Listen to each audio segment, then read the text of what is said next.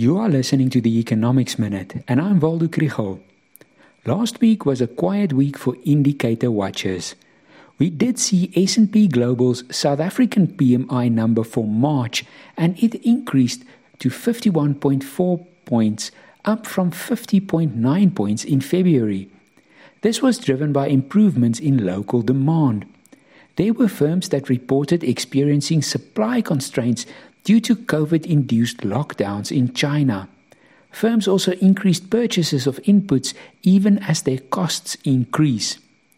In the markets, US 10 year Treasury yields increased by 34 basis points, but in South Africa, the bond rate remained flat and the Rand dollar exchange rate remained stable.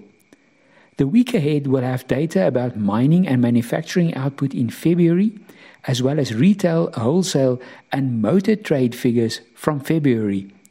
All of these are expected to confirm that the economy started the year with a strong performance. Though February numbers now seem out of date, considering the subsequent impact of Russia's invasion of Ukraine, they do help economists to refine their predictions for the year ahead.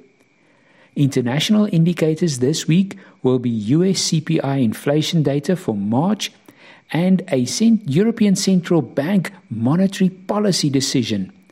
They are expected to keep their policy interest rate unchanged.